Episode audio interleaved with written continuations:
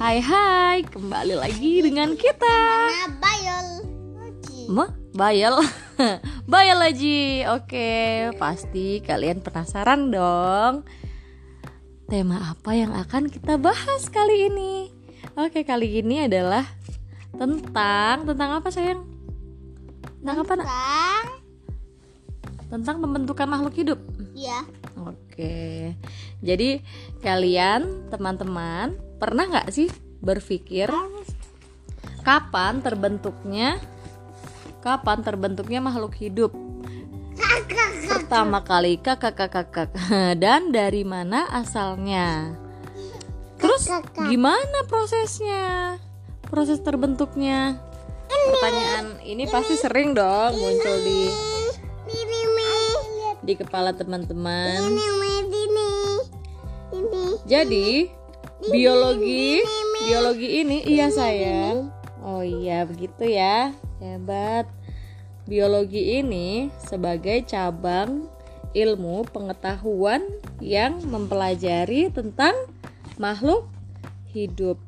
Jadi diharapkan sedikit membuka jalan, iya nak. Iya nggak apa-apa nak. Membuka jalan terhadap permasalahan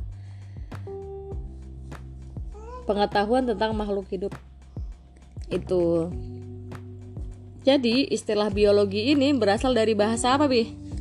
Bahasa Yunani, yaitu beras Bios. bios berarti hidup dan logos berarti ilmu, berarti ilmu tentang makhluk hidup. Orang awam lebih umum menyebutnya sebagai ilmu hayat. Perdebatan di antara para ahli biologi telah sering terjadi untuk mengetahui tentang asal-usul kehidupan di muka bumi ini. Akibatnya terlahirlah sebuah teori-teori tentang asal-usul kehidupan. Seperti contohnya yang pertama yang Abiogenesis dan biogenesis. Oke, pintar. Jadi teori abiogenesis ini atau bisa disebut dengan generasio eh generasio spontanea. Berdasarkan teori ini, makhluk hidup itu dianggap berasal dari benda mati. Kok bisa ya? Dari benda mati dan terjadi secara spontan. Pendapat tersebut dikenal sebagai teori abiogenesis atau generasio spontanea. Teori ini dikemukakan oleh Aristoteles. Aristoteles. Aristotle. Abi tahu? Iya, dari Dr. Binox. Oh iya, Five wow. sen di five senses dan nah dan juga five senses dan juga comet semua Iya, Nak. ya. Jadi Aristoteles ini dia ternyata se- seorang ilmuwan ya, Nak? Ada di pintu. itu ilmuwan Yunani. Mm-mm, ilmuwan Yunani di tahun 384 sampai 322 M ini Masehi, wih. Masehi. Masehi itu tahun tahun yang zaman dulu. Pendapat Aristoteles ini didukung oleh Anthony van Leeuwenhoek. Leeuwenhoek ini mengadakan penelitian dengan menggunakan mikroskop. Dengan bantuan mikroskop ini, dia melihat benda-benda kecil yang bergerak dalam setetes air rendaman jerami. Nidam, seorang ahli ilmu pengetahuan bangsa Irlandia. Ya Allah, iya nak. Sebentar sayang. Umi sedang membaca sayang. Mana ya nak? Nidam ini seorang ahli ilmu pengetahuan bangsa Irlandia. Ikut menganut teori ini, teori abiogenesis. Dengan menggunakan sekerat daging rebus untuk eksperimennya. daging rebus. Wow. Percobaan Nidam adalah sebagai berikut. Sekerat daging rebus, sekerat ra- daging ini direbus. Kemudian air rebusan atau kaldunya disimpan di dalam tempat terbuka. Wow. Setelah beberapa hari, air kaldu tersebut akan menjadi keruh. air itu yang di sini.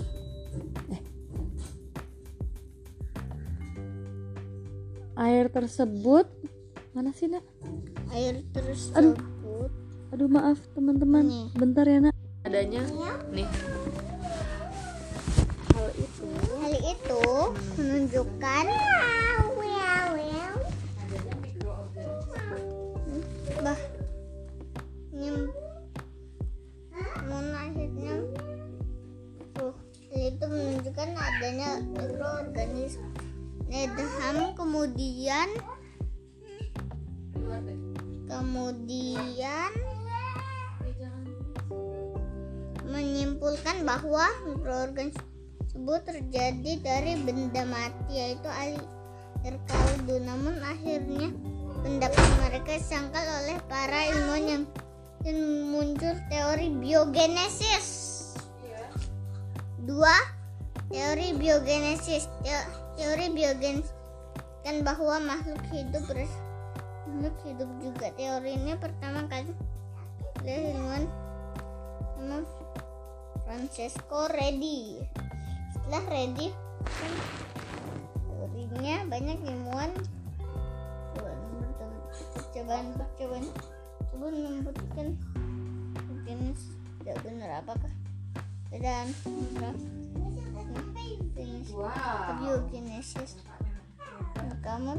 Nah, kamu jelaskan alasannya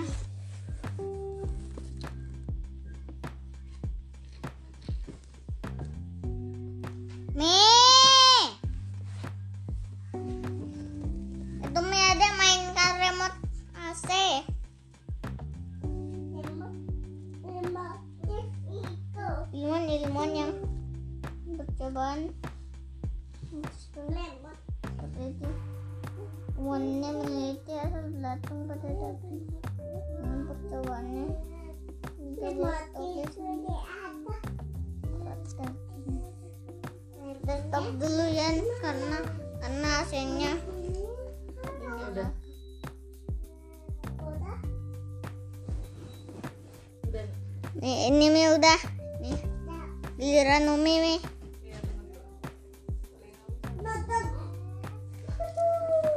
Stop dulu ya, teman. Dulu ya. Oke teman-teman, tadi udah dibantu jelaskan ya dengan Habibi tentang bio, teori biogenesis. Teori biogenesis ini menyebutkan bahwa makhluk hidup itu berasal dari makhluk hidup juga. Teori ini pertama kali ditemukan oleh ilmuwan Italia yang bernama Francesco Redi. Setelah Redi menemukan mengemukakan teorinya, ternyata banyak ilmuwan yang melakukan percobaan. Jadi percobaan-percobaan tersebut membuktikan bahwa abiogenesis itu tidak benar. Terus apakah per- apa sih perbedaan dari biogenesis dan abiogenesis? Terus kalau menurut kalian itu teori mana sih yang lebih benar dan lebih lebih mudah dimengerti gitu? Maksudnya lebih lebih logis. Jadi saya mau menjelaskan sedikit tentang ilmuwan-ilmuwan yang mengemukakan percobaan untuk pembuktian teori biogenesis.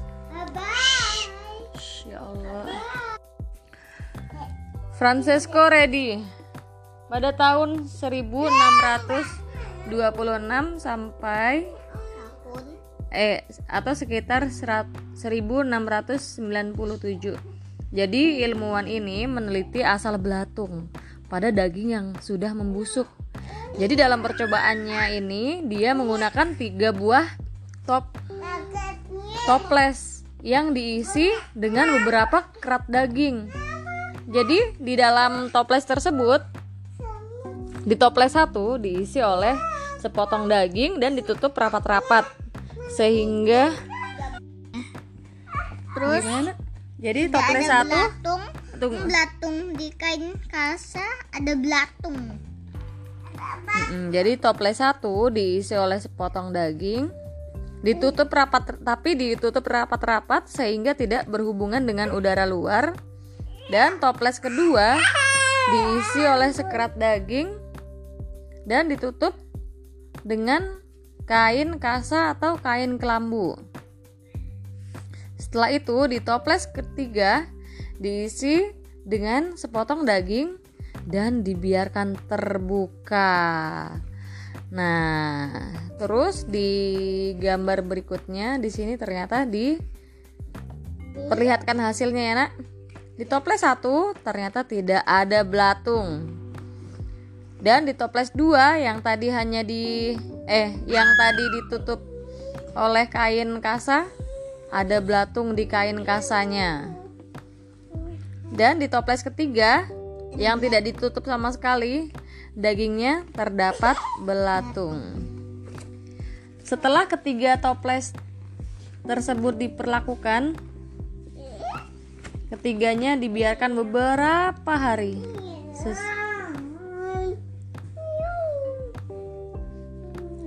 Ini juga dijelasin sih di sini ya. Toples satu tidak ditemukan adanya larva atau belatung karena lalat tidak bisa masuk dalam toples tersebut. Dan di toples kedua ditemukan belatung di permukaan kain kasa, tetapi pada daging tidak ada belatungnya. Meskipun sudah busuk, hal ini dikarenakan lalat tidak bisa masuk ke toples. Hanya hinggap di permukaan dan bertelur di situ. Hah? Bertelurnya di atas kain kasa. Terus daging ketiga dain dagingnya menjadi busuk dan di permukaan daging banyak ditemukan belatung karena lalat bebas masuk untuk bertelur. Dan di sini larva ditemukan di toples ketiga. Dan di permukaan toples kedua kemudian berkembang menjadi lalat. Jadi dia berkembang di atas kain kasa tersebut ya, Bi. Dari percobaan ini, Reddy menyimpulkan bahwa makhluk hidup tidak berasal dari benda mati. Dalam hal ini, belatung ini tidak berasal dari daging, melainkan dari lalat yang hinggap kemudian bertelur di atas daging dan kemudian telurnya menetas. Apa yang terjadi jika daging yang digunakan dalam percobaan direbus terlebih dahulu hingga masak? Hmm, belum ada jawabannya. Dan yang ilmuwan yang berikutnya adalah Lazaro Spallanzania. Oke, Lazarus Palanzania ini turut mendukung pendapat Reddy dengan meneliti perkembangan bakteri dalam kaldu. Kaldu itu tahu nggak Abibi apa? Iya, kaldu yang membuat Iya betul, kaldu itu adalah air dari rebusan daging ya. Daging. Daging atau ayam. Ayam, sapi, kambing, domba. betul. Jadi Lazaro ini dia menggunakan tiga buah botol atau tabung. Reaksi yang diisi dengan kaldu. Selanjutnya, ketiga tabung tersebut mendapat perlakuan sebagai berikut. Tabung satu ditutup tanpa dipanasi. Tabung kedua dip- dipanasi dan dibiarkan terbuka air kaldunya maksudnya. Dan di tabung ketiga dipanasi dan ditutup rapat-rapat. Setelah beberapa hari dibiarkan, ketiga tabung tersebut diamati dan diperoleh hasil sebagai berikut. Tabung 1 dan 2 menjadi keruh, sedangkan tabung 3 tetap jernih. Dari percobaan tersebut dapat ditarik kesimpulan bahwa keruhnya kaldu pada tabung 1 dan tabung 2 dikarenakan bakteri. Bakteri yang timbul bukan dari kaldu, tapi berasal dari bakteri yang telah ada sebelumnya dan tersebar di udara. Oke, ilmuwan berikutnya adalah Louis Pasteur. Louis Pasteur ini berusaha memperbaiki percobaan Reddy dan Lazaro. Percobaan keduanya dianggap tidak mempunyai. Ya nyamuk. tidak mempunyai atau tidak ada daya hidup ataupun kalau ada daya hidup tersebut tidak dapat tidak dapat melakukan fungsinya karena botol atau tabung tertutup rapat. Untuk dapat timbul kehidupan secara spontan dari benda mati, harus ada da harus ada daya hidup yang melakukan fungsi kehidupan. Pasteur meneliti perkembangan bakteri dalam kaldu dengan menggunakan tabung labu siam yang ditutup dengan pipa berbentuk leher angsa. Aduh, hurufnya S. Leher angsa seperti huruf S. Adapun percobaan Louis Pasteur adalah sebagai berikut. Labu diisi dengan air kaldu. Kemudian disterilkan dengan cara dipanaskan. Selanjutnya, labu didinginkan selama beberapa hari. Setelah itu, ternyata air kaldu yang di dalam labu ini tetap jernih dan tidak ditemukan adanya mikroorganisme.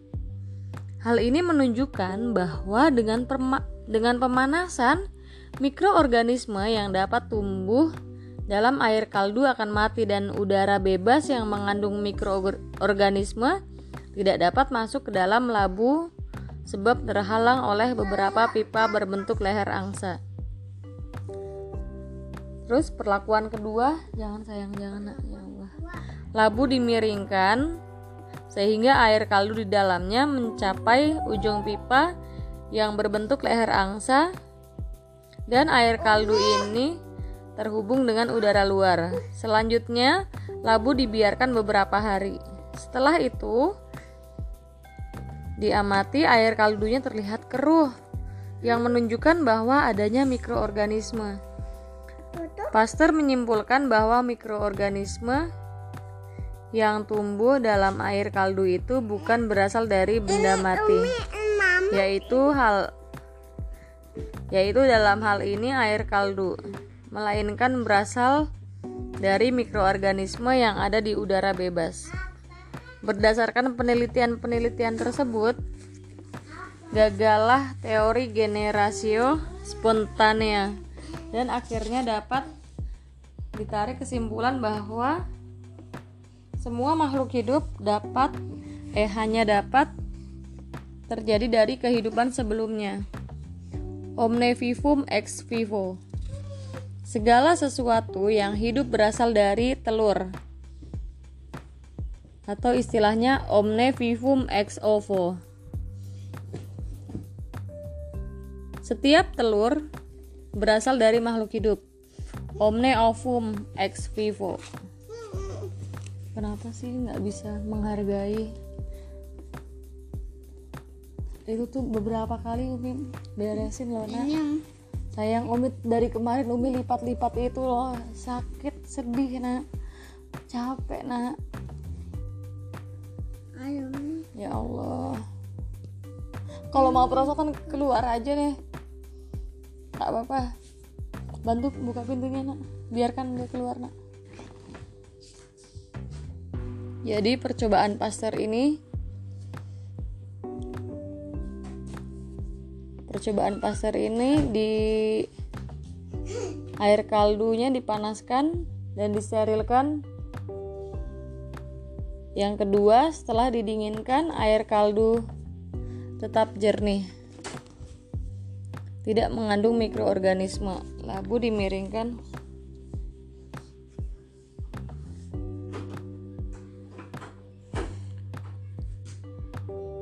Pendapat tersebut dikenal dengan teori omne vivum ex ovo. Omne ovum ex vivo artinya setiap makhluk hidup berasal dari telur dan setiap telur berasal dari makhluk hidup. Ter teori lain berasal eh teori lain tentang asal usul kehidupan dikemukakan oleh Harold Urey pada tahun 1893 dan oleh Stanley Miller. Wow. Ternyata Umi tahu nih ilmuwan ini. Urey mengemukakan bahwa unsur-unsur penting dalam tubuh makhluk hidup terdiri atas zat atau molekul yang memenuhi atmosfer bumi seperti CH4 atau metana, NH3 amoniak, H2 hidrogen, H2O uap air yang terbentuk gas dan merupakan komponen penyusun asam amino. Jadi unsur-unsur tersebut kemudian mengadakan reaksi kimia akibatnya terjadi akibatnya terjadi petir bermuatan listrik dan radiasi kosmos betul mereka bercampur ya sehingga terbentuk zat-zat hidup yang memungkinkan terjadinya kehidupan. Jadi teori Urey ini Wah, masa sih? Kata Ini dipahami Fai life soup. yang merupakan pengikut ajaran Urey. Nak, tidak usah, Nak. Mau gitu lagi ya? Sangat sedih, Nak. Sayang, Stanley mengemukakan bahwa bahan dasar kehidupan adalah protoplasma. Protoplasma terbentuk dari protein dan unsur dasarnya adalah asam amino. Asam amino ini terbentuk dengan cara mengalirkan bunga api listrik tegangan tinggi ke dalam saluran uap air mengalir. Dengan demikian, ia membenarkan teori Urey ini. Nah, sekarang Umi akan memberikan pertanyaan kepada Habibi. Apakah Habibi bisa siap menjawabnya? B. Berbagai hal tentang kehidupan makhluk hidup di bumi ini dipelajari melalui cabang ilmu pengetahuan yang disebut biologi. Pintar. Good job. Oke, duduk. Satu poin. Makhluk hidup berasal dari benda mati. Teori tersebut dikemukakan pertama kali oleh yang pertama kali Aris apa? Aristotle. Nah, Aristotle. Salah satu pendukung teori abiogenesis yaitu Antonie van Leeuwenhoek dia menyatakan bahwa apa? Makhluk hidup berasal dari apa? Makhluk hidup. Berasal dari rendaman apa? Rendaman jerami. Terus ilmuwan asal Irlandia penganut teori abiogenesis yang berpendapat bahwa mikroorganisme berasal dari air kaldu adalah Adalah. adalah siapa? Adalah. Yang berasal dari Anthony Van. bukan Ni Nidam. Ya salah deh. Teori tentang asal-usul kehidupan yang menyatakan bahwa makhluk hidup berasal dari benda hidup disebut teori Biogenesis. pintar. Good job. Tiga poin. Pada percobaan ready, belatung ditemukan pada toples yang apa yang dibiarkan apa? Terbuka. Dan dan yang kain. yang ditutup hanya menggunakan kain kasa ya. Jadi kalau ditutup rapat nggak bisa ya. Tidak ditemukan. Betul. Empat poin. Jadi, jadi, jadi masih boleh dimakan. Masa sih? Bahaya sekali.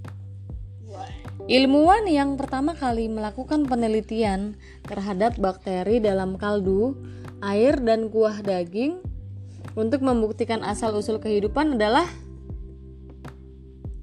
siapa? Ya. Lah, lah, lah. Apa nak? Tahu nggak? Kami kasih pilihan. Aristoteles, Francesco Redi, Louis Pasteur, atau Lazaro Spallanzani. Lazarus Palanzani. Yo, pintar. 5 poin. Berdasarkan hasil percobaan, Lazarus Spallanzani dapat menarik kesimpulan bahwa air kaldu pada tabung yang terbuka menjadi keruh karena adanya Mikroorganisme. Betul mikroorganisme itunya adalah bakteri ya. Betul. Adalah bakteri. Tesis dari biogenesis adalah kesimpulan dari biogenesis adalah makhluk hidup Makhluk hidup berasal dari telur. Eh, dari benda mati. Biogenesis nak. Biogenesis.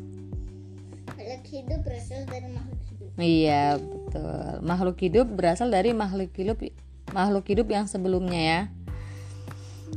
Berikutnya ilmuwan yang meneliti asal usul kehidupan dengan menggunakan alat labu siam yang ditutup dengan pipa berbentuk leher angsa adalah Hmm, pilihan. Pilihan Louis Pasteur, Francisco Redi, Plato, atau Harold Urey.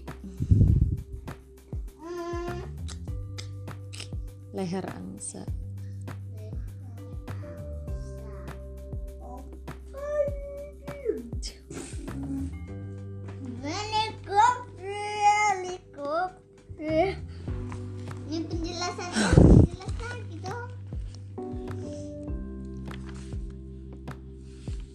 Menyerah? Pastor. Pastor. Iya, betul. Tapi membaca ya. Berikut beberapa ilmuwan yang menyelidiki asal-usul kehidupan. Siapa aja? Habibi bilang yes gitu ya kalau iya ya. Louis Pasteur, Yes. Aristoteles, No. Terus tunggu dulu. Eh, ini apa nih? Lazarus Palanzani. No. Kok no sih? Enggak ya? Harold Urey. Yes. Needham. Needham.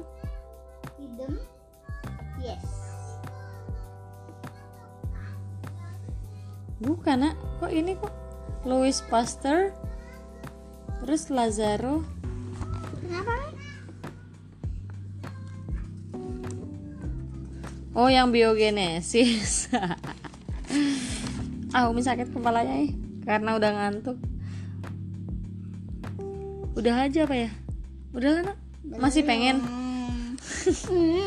Belum ngantuk Kak Bibi? Jangan. Ya udahlah, udah sana. Makanya duduk yang baik dong.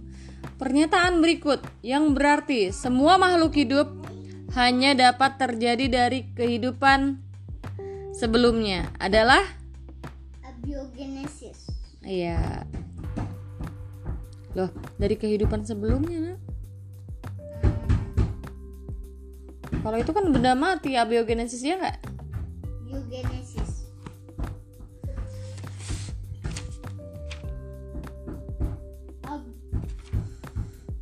Ini omnivivum ex vivo. Jawabannya. Makhluk Aisyah bisa diam nggak Aisyah? Aisyah kan mau main aja Aisyah di luar. Makanya dikeluarkan. Ya mau masuk lagi tolong buka pintunya nak. Teman-teman nanti ya. Oke, makhluk hidup berasal dari Habib jangan lihat ya nak jawabannya di sebelah sana sayang. Berasal dari berasal dari zat hidup yang terkandung pada atmosfer bumi. Atmosfer bumi yang kaya akan molekul-molekul gas metana atau CH4, amonia atau NH3, hidrogen atau H2 dan uap air H2O merupakan unsur-unsur penting dalam makhluk hidup. Pernyataan ini dikemukakan oleh siapa nih? Pasti tahu kan?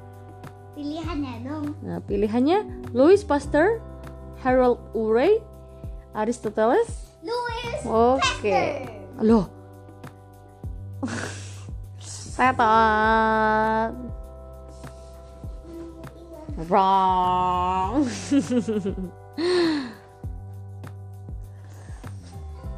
Jawabannya adalah Harold Urey. Uwi bilang tidur, tidak usah membaca-membaca, tidur. Tidur. Tidur. Kalau main lagi nggak percaya. Tuh. Tidur yang baik. Aisyah, atau silakan keluar lagi. Tidak di situ tidurnya. Ya Allah, Umi jadi teriak-teriak, maaf deh. Stanley Miller, eh jangan gitu dong nak. Ilmuwan yang melakukan percobaan untuk menguji kebenaran tentang Urey adalah Stanley Miller. Malah udah menjawab. Stanley Miller mengemukakan bahwa asam amino sebagai unsur dasar pembentukan protoplasma, asam amino dapat terbentuk dengan cara dengan cara apa, Bi? Mencampurkan apa?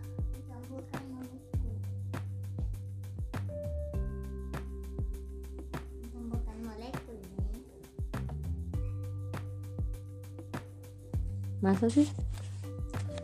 Coba.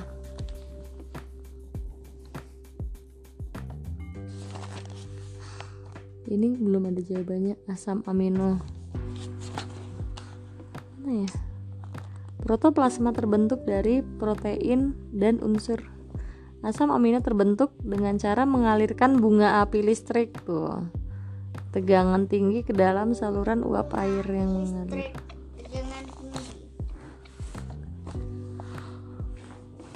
Teori yang menyatakan bahwa makhluk hidup berasal dari benda mati disebut teori Abiogenesis. pintar.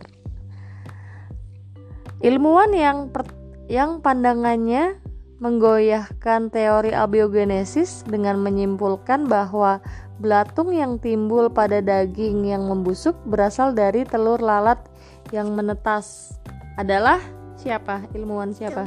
Pilihannya nggak ada pilihan ini isi harus diisi sendiri siapa Fran Francis Francisco Plaster. Hah? Francesco Reddy dong Francisco Plaster. bukan plaster Pasteur sakit nak maaf nak Plaster. ilmuwan yang bertujuan memperbaiki percobaan Reddy dan Lazaro adalah tidak ada pilihan Aduh. apa Louis Pasteur. Kebenaran teori Urey tentang asal-usul kehidupan pada tahun 1500 1953 diu- diuji oleh seorang ilmuwan yang bernama Umi hitung dalam 10 detik. 1 2 3 Eh, tetep. empat. Tetot wrong. Salah. Berdasarkan penelit namanya jawabannya Stanley Miller. Berdasarkan penelitiannya mengenai asal usul kehidupan Stanley Miller menyatakan bahwa dasar kehidupan terbentuk dari protein yang unsur dasarnya adalah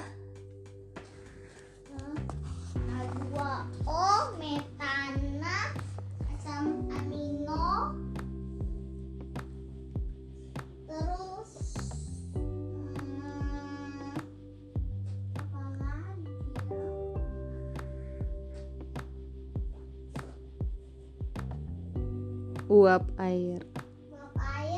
Hidrogen pintar. Itu dia.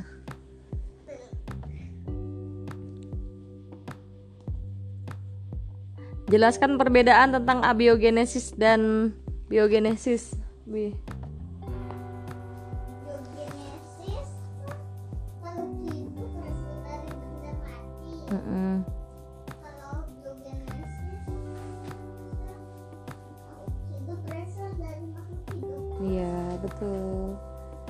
Pertanyaan berikutnya. Jelaskan percobaan tentang asal-usul kehidupan yang dilakukan oleh Louis Pasteur.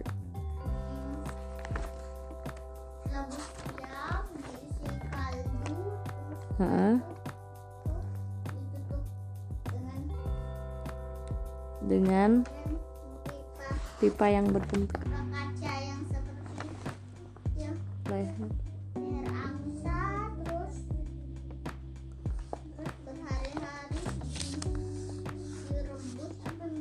Air kaldunya dipanaskan, dipanaskan setelah itu didinginkan. Nah, betul.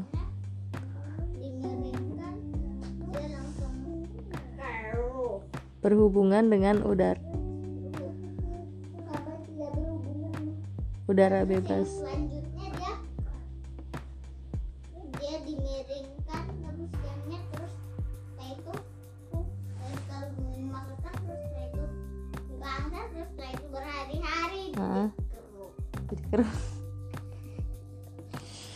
Betul. 10 poin karena ini isi. Percobaan apakah? Aduh, percobaan apakah yang dilakukan oleh Harold Urey sehingga dia disebut sebagai ilmuwan yang mengemukakan tentang asal-usul kehidupan menurut biologi modern. Apa sih? Harold Urey, Urey membuat percobaan apa, Bi? membuat percobaan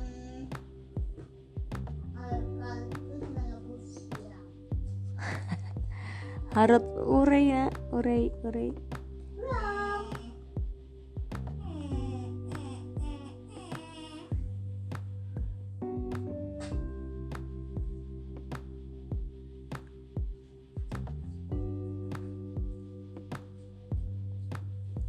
Aduh. Oke, bro. nggak tahu karena Iya, iya memang belum dijelasin ini. Gak tahu nih pertanyaannya. ayo nih Oke, pertanyaan terakhir. Sehubungan dengan penelitian tentang asal-usul kehidupan.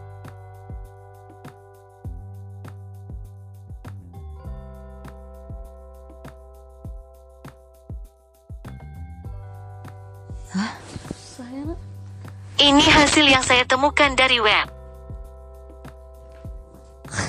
kenapa? Dia jadi jawab?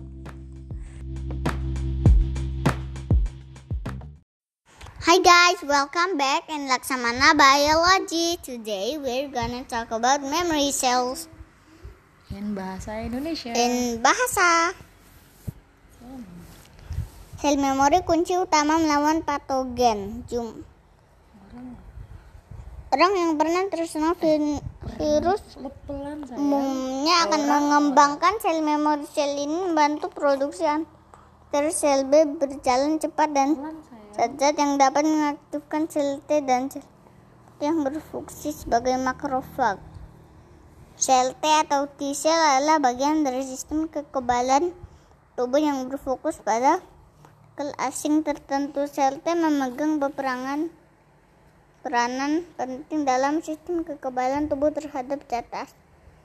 Hasil mikrobiologi dan imunitologi direktur Institut Kekebalan Transplantasio dan Infeksi Stanford yang di Howard Hughes Medical Institute Doug Davis PhD mengatakan sel pada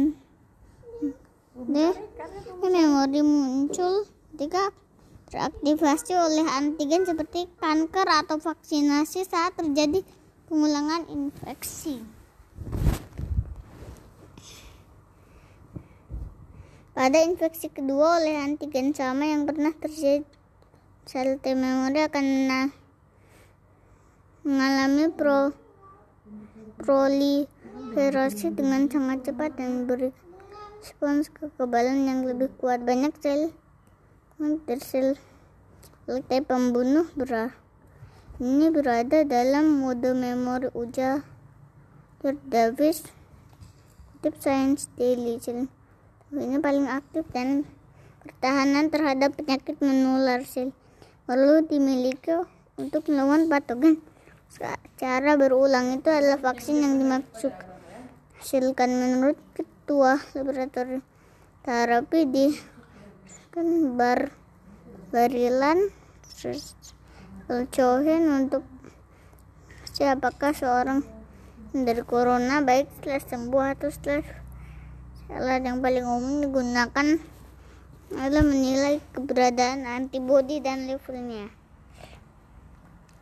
meskipun lebih sulit untuk evaluasi memori sel T merupakan faktor fundamental dalam kebal virus dan dapat memastikan perlindungan setelah antibodi hilang kata Kocin.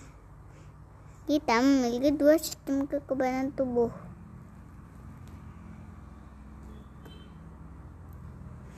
Satu yang disebut sistem kekebalan bawaan, satu yang disebut adaptif lanjut. Sama sel dengan sel B pembuat antibodi Tim memori berguna dalam membunuh sel patogen yang terinfeksi virus. Udah ya, bye bye.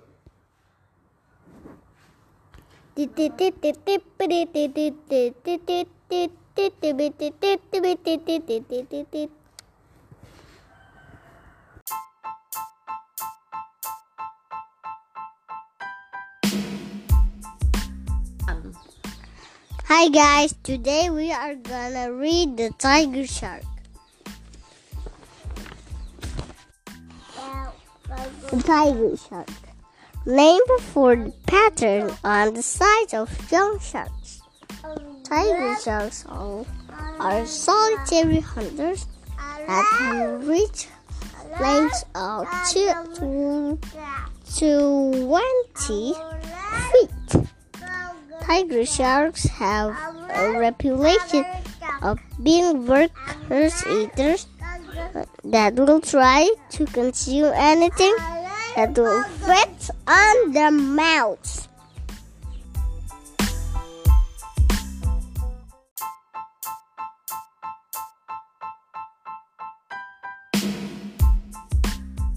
Hi guys, welcome back to Laksamana Shark Facts. Today we are gonna talking about the treasure shark. Treasure sharks are a group of sharks characterized by their long casual fins or or seemed like a tripod fish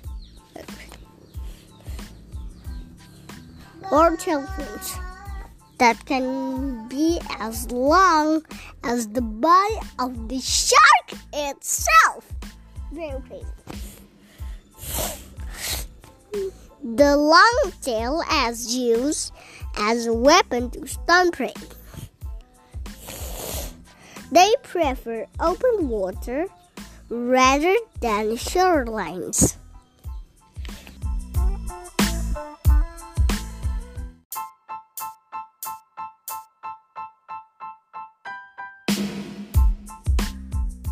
Hi guys, welcome back in Laksamana Shark Facts.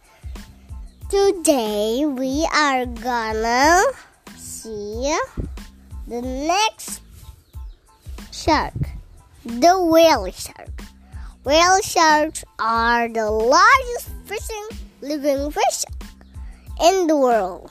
Largest reckoned whale shark is over 41 feet long and weighs 47 40 4700 pounds oh man it's a bit crazy in spite of their large size whale sharks pose no threat because they are filter feeders. Now, bye bye. I hope you are drinking tea and hope you enjoy it. Bye bye.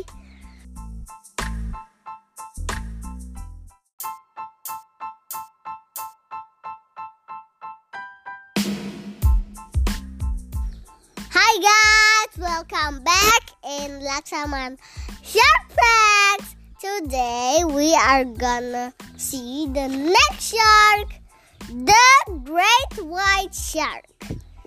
The great white shark is perhaps the most well known of all the sharks. They can grow to be over 20 feet long and weigh as much as 5,000 pounds. Oh my gosh!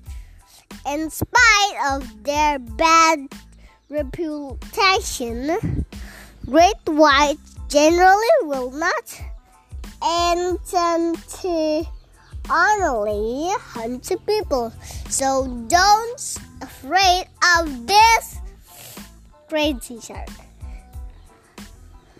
Bye bye.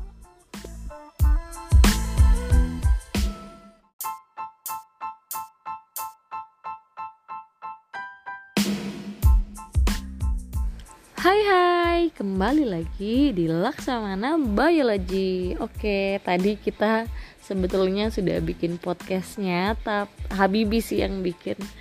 Habibi bikin podcast tentang pengenalan benang jahit Benang jahit. Bukan benang jahit pada kain ya, tapi benang operasi, benang jahit operasi. Tapi ternyata koneksinya kurang bagus jadi error dan tidak tersimpan dengan baik. Oke, sekarang karena Bibi sudah capek, tadi sudah menjelaskan sangat banyak. Sekarang Umi yang bantu menjelaskan kepada teman-teman apa itu benang operasi dan fungsinya. Jadi, benang operasi itu adalah materi berbentuk benang yang berfungsi untuk ligasi atau mengikat pembuluh darah ataupun menyatukan jaringan yang terbuka. Sebetul sebetulnya kenapa kita bahas tentang benang operasi ini karena kita sedang mencari benang operasi dan apa ya dan peralatan lainnya untuk eh, tindakan preventif untuk kambing kita. Jadi kam ada kambing yang digigit oleh anjing dan dia perutnya terluka. Jadi harus segera kita lakukan tindakan.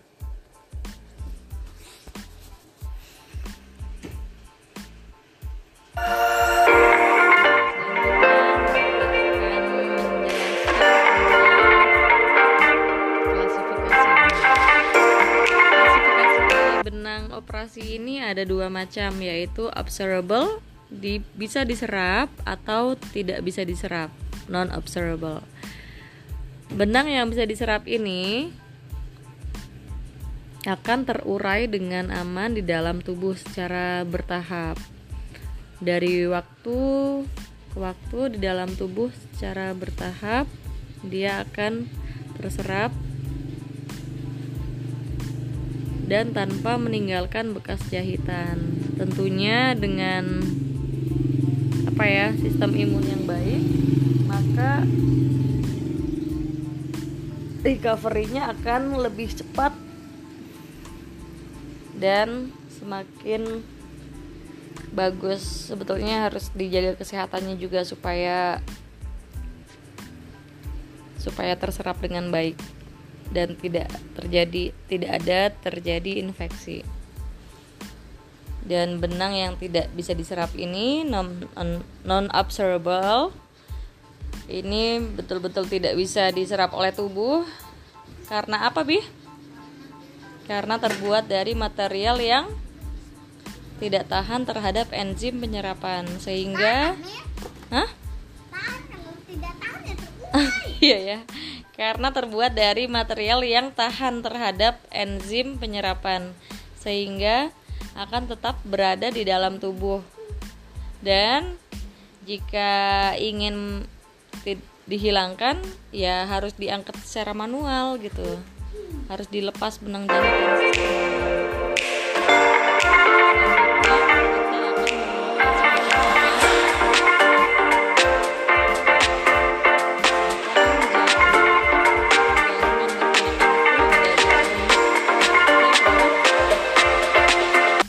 yaitu jenis jarum yang berbentuk bulat dan halus. Pada ujungnya serta tidak mengakibatkan trauma atau luka jaringan pada saat digunakan sehingga aman digunakan untuk jahitan di bagian dalam. Seperti contohnya di organ-organ dalam gitu bi. Mm-mm. jadi tidak meninggalkan luka nak dan yang kedua adalah jarum cutting jenis jarum ini berbentuk segitiga dan sangat tajam pada ujungnya. Biasanya digunakan untuk jahitan kulit dan subkutikuler. Sub-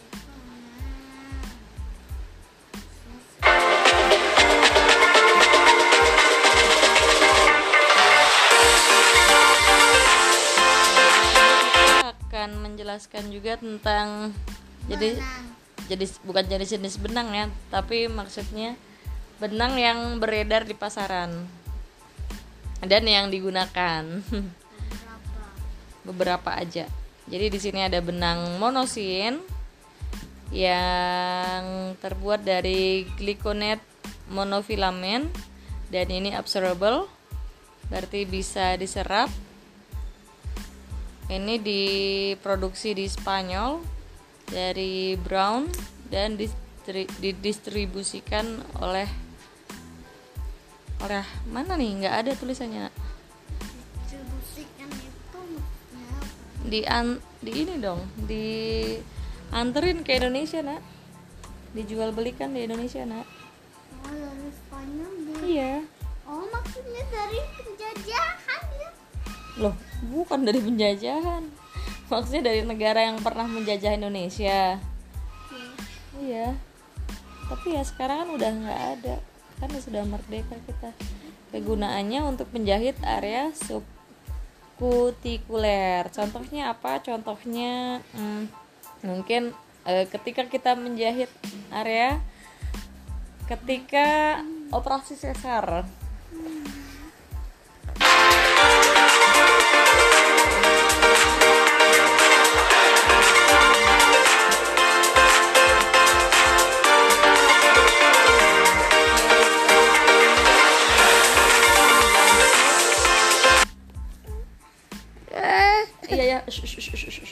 Menja- menjahit area. Area jaringan. Area jaringan bagian dalam yang longgar. Misalnya daerah perut dan wajah. Benang catgut plan ini absorbable dan didistribusikan oleh PT Bintang Safan Indonesia. Diproduksi di Switzerland.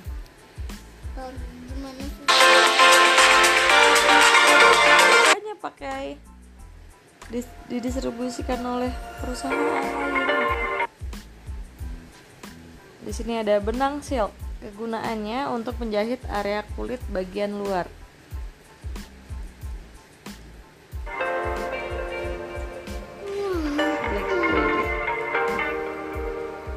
Benang Surgi Pro. Surgi Pro untuk menyambung tendon besar Achilles. Benang Asucril, Asecril kegunaannya untuk menjahit area fascia. Tadi apa Bi? Area fascia Bi? Fascia itu adalah bagian luar dari otot kita ini. Oh gitu. Bentar. Ini observable nggak Bi? Yes. Iya. Karena ada di dalam ya. Ya, jadi kalau mau diangkat susah ya. Jadi bisa.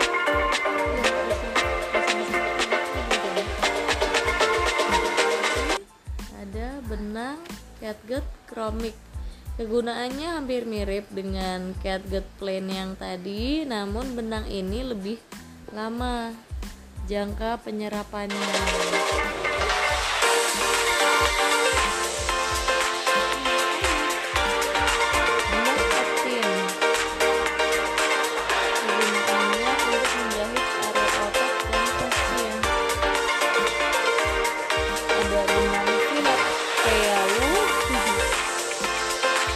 Dari monofil poli polyamid dan blue polyamid monofilament ini non observable dan digunakan untuk menjahit area kulit bagian luar.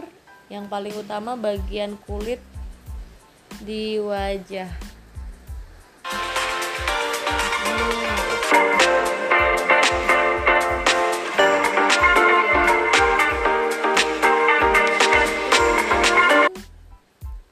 arteri dan pembuluh darah yang ruptur.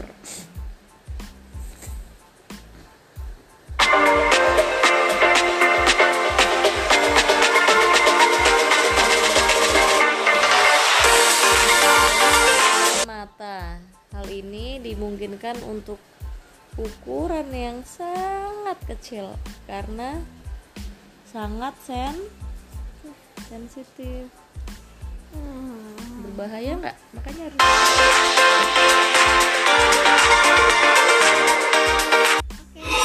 Oke, ya, bye bye. Bye bye. ya terima kasih teman-teman sudah mendengarkan mari kita belajar Belajar di setiap hari setiap hari di Laksamana Farm.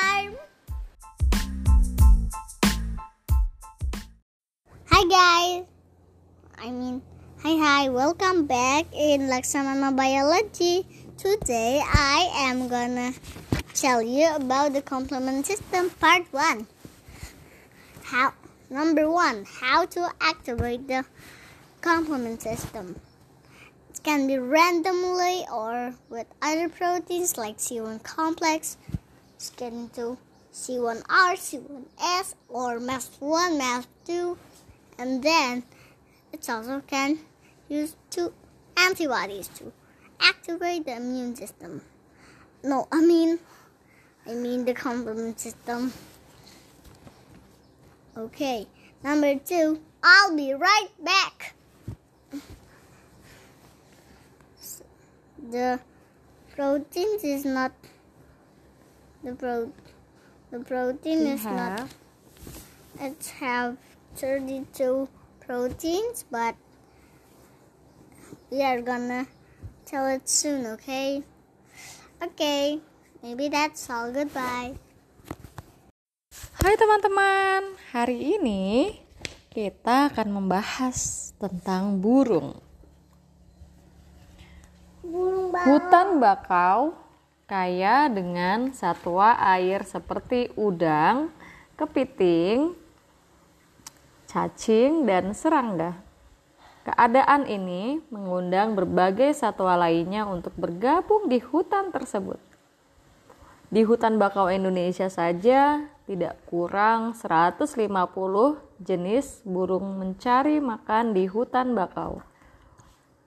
Burung-burung tersebut terdiri dari burung air, burung pantai, dan burung darat lainnya. Ada kalanya pada bulan tertentu, biasanya antara September dan Maret, datang burung-burung yang bermigran dari Laut Pasifik dan Australia dalam rangka penerbangannya ke daerah Siberia atau Cina. Atau sebaliknya.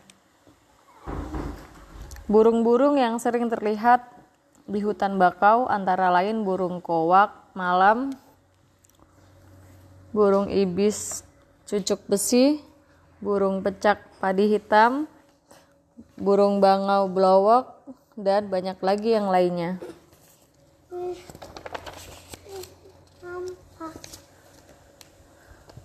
Setelah itu kelelawar. Tidak jarang juga hutan bakau didatangi sejumlah besar kelelawar. Kelelawar Theropus vampis atau kalong kecil Theropus hippomelanus yang bertugas menyerbuki buah-buahan sekitar hutan bakau sering mampir di sini. Tolong bantu matikan dulu air itu.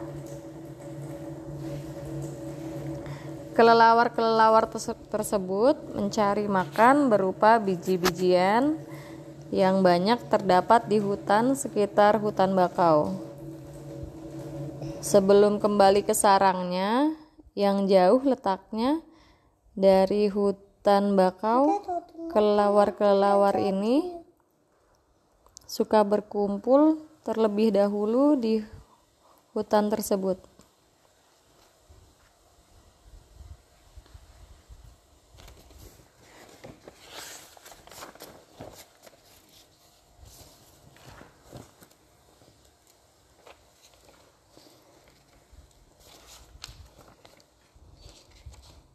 Jenis kepiting amfibi sesarma misalnya membuat sarang untuk menyelamatkan diri dari air pasang atau pemangsa.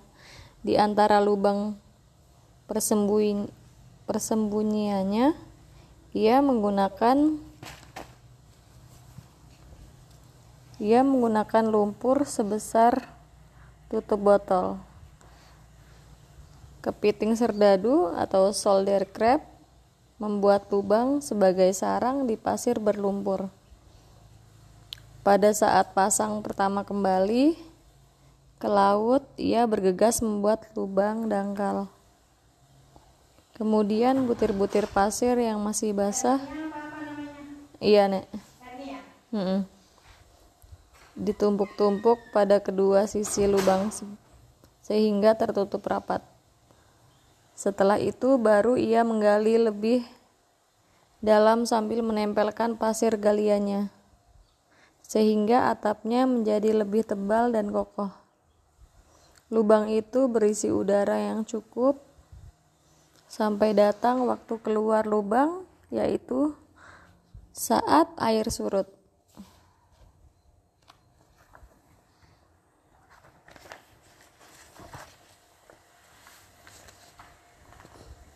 Kepiting atau ketam ini banyak sekali jenisnya.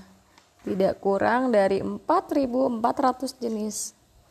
Cirinya hampir sama, mempunyai tangkai mata yang dapat digerakkan. Sebagian atau seluruh tubuhnya tertutup oleh cangkang keras dengan beragam warna. Kepiting mempunyai lima pasang tungkai. Satu pasang di antaranya berujung cakar, selebihnya digunakan untuk berjalan dan berenang. Pada umumnya, kepiting menyebar telur di laut. Setelah menetas, anak kepiting dibiarkan terapung di laut. Kepiting yang hidup di lumpur, hutan bakau, ada yang berjenis kecil, berwarna cerah. Makanannya berupa plankton yang terbawa oleh ombak laut atau binatang-binatang kecil lainnya. Kepiting pandai membuat sarang sebagai tempat untuk menyelamatkan dirinya.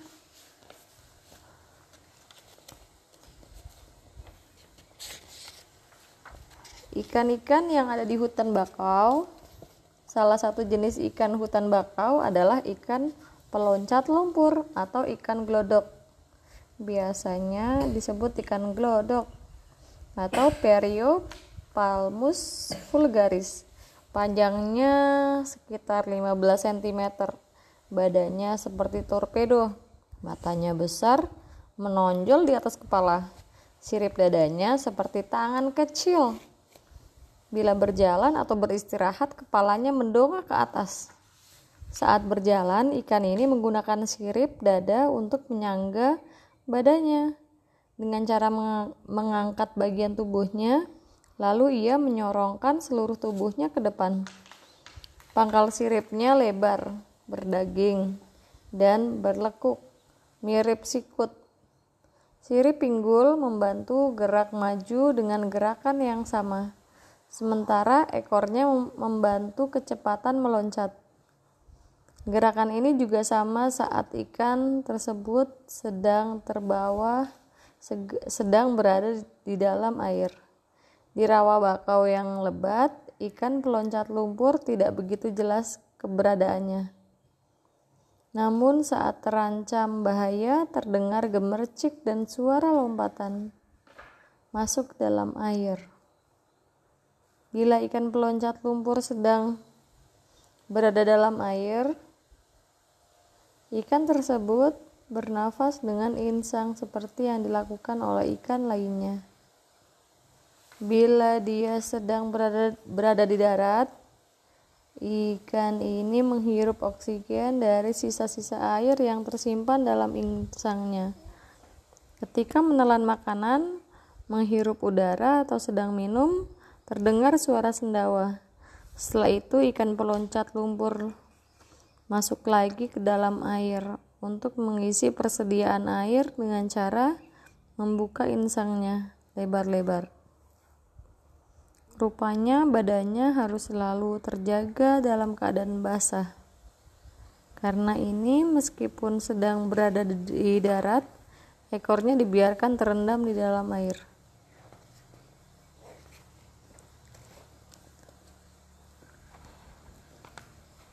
Ikan yang juga banyak terdapat di rawa hutan bakau yaitu ikan lele air tawar atau Clarias batrachus. Ikan lele ada kalanya juga mendarat atau mengejar mangsa atau berpindah ke daerah yang lainnya.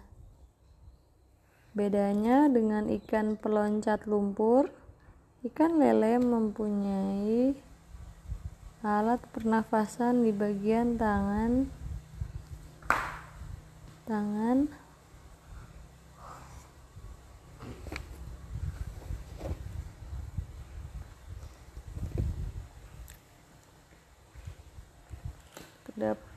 udara yang berfungsi sebagai paru-paru. Oleh karena itu, ikan lele dapat hidup di air, di lumpur, bahkan dia di bahkan di darat untuk beberapa saat.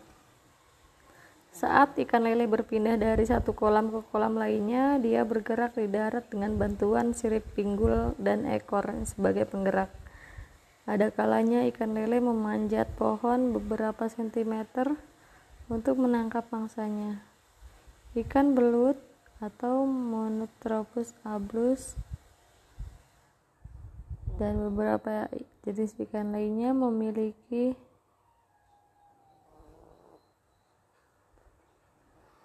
memiliki kantong yang berfungsi sebagai paru-paru. Ikan kepala timah atau Apleus punkat hidup di bawah permukaan dengan kepala rata dan mulut mengadah. Permukaan dengan kepala hit rata dan mulut mengganga menghisap langsung cair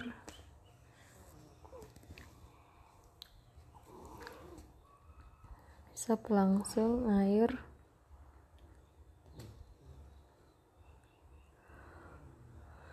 teratas yang belum